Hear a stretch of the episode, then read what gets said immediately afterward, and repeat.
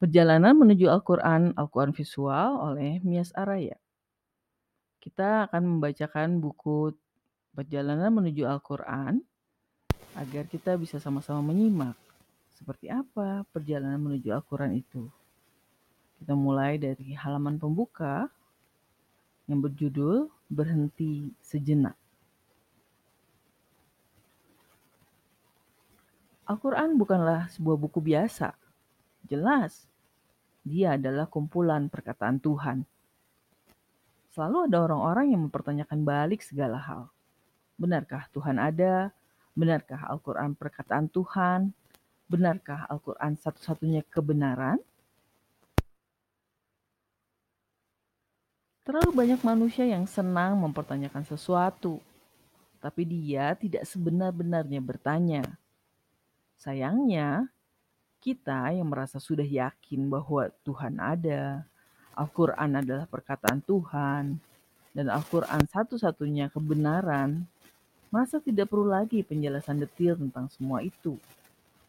Kita cukup puas akan keberhasilan kita mendoktrin diri akan sebuah kebenaran.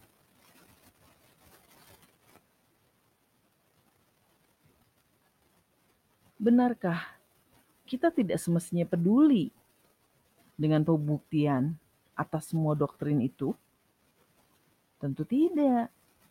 Kita harus peduli dengan pembuktian semua fakta tentang kebenaran agar kita bisa melangkah dengan yakin di dalam kebenaran.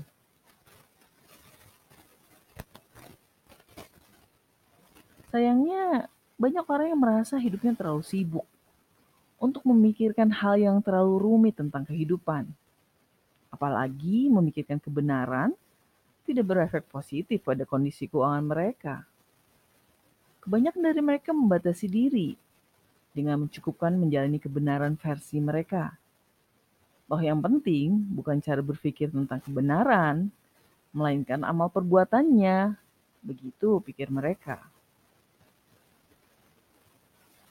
Wahai kawan, luangkan waktu mulai sekarang. Hidupan ini sudah terlampau cepat bergerak. Saatnya diam sejenak, duduk tenang, dan memikirkan kembali tentang kebenaran yang hakiki. Apalah artinya menjalani kehidupan ini tanpa memahami kehidupan? Terima kasih sudah menyimak. Kita akan bertemu lagi di halaman selanjutnya dari buku Perjalanan Menuju Al-Quran. Al-Quran Visual.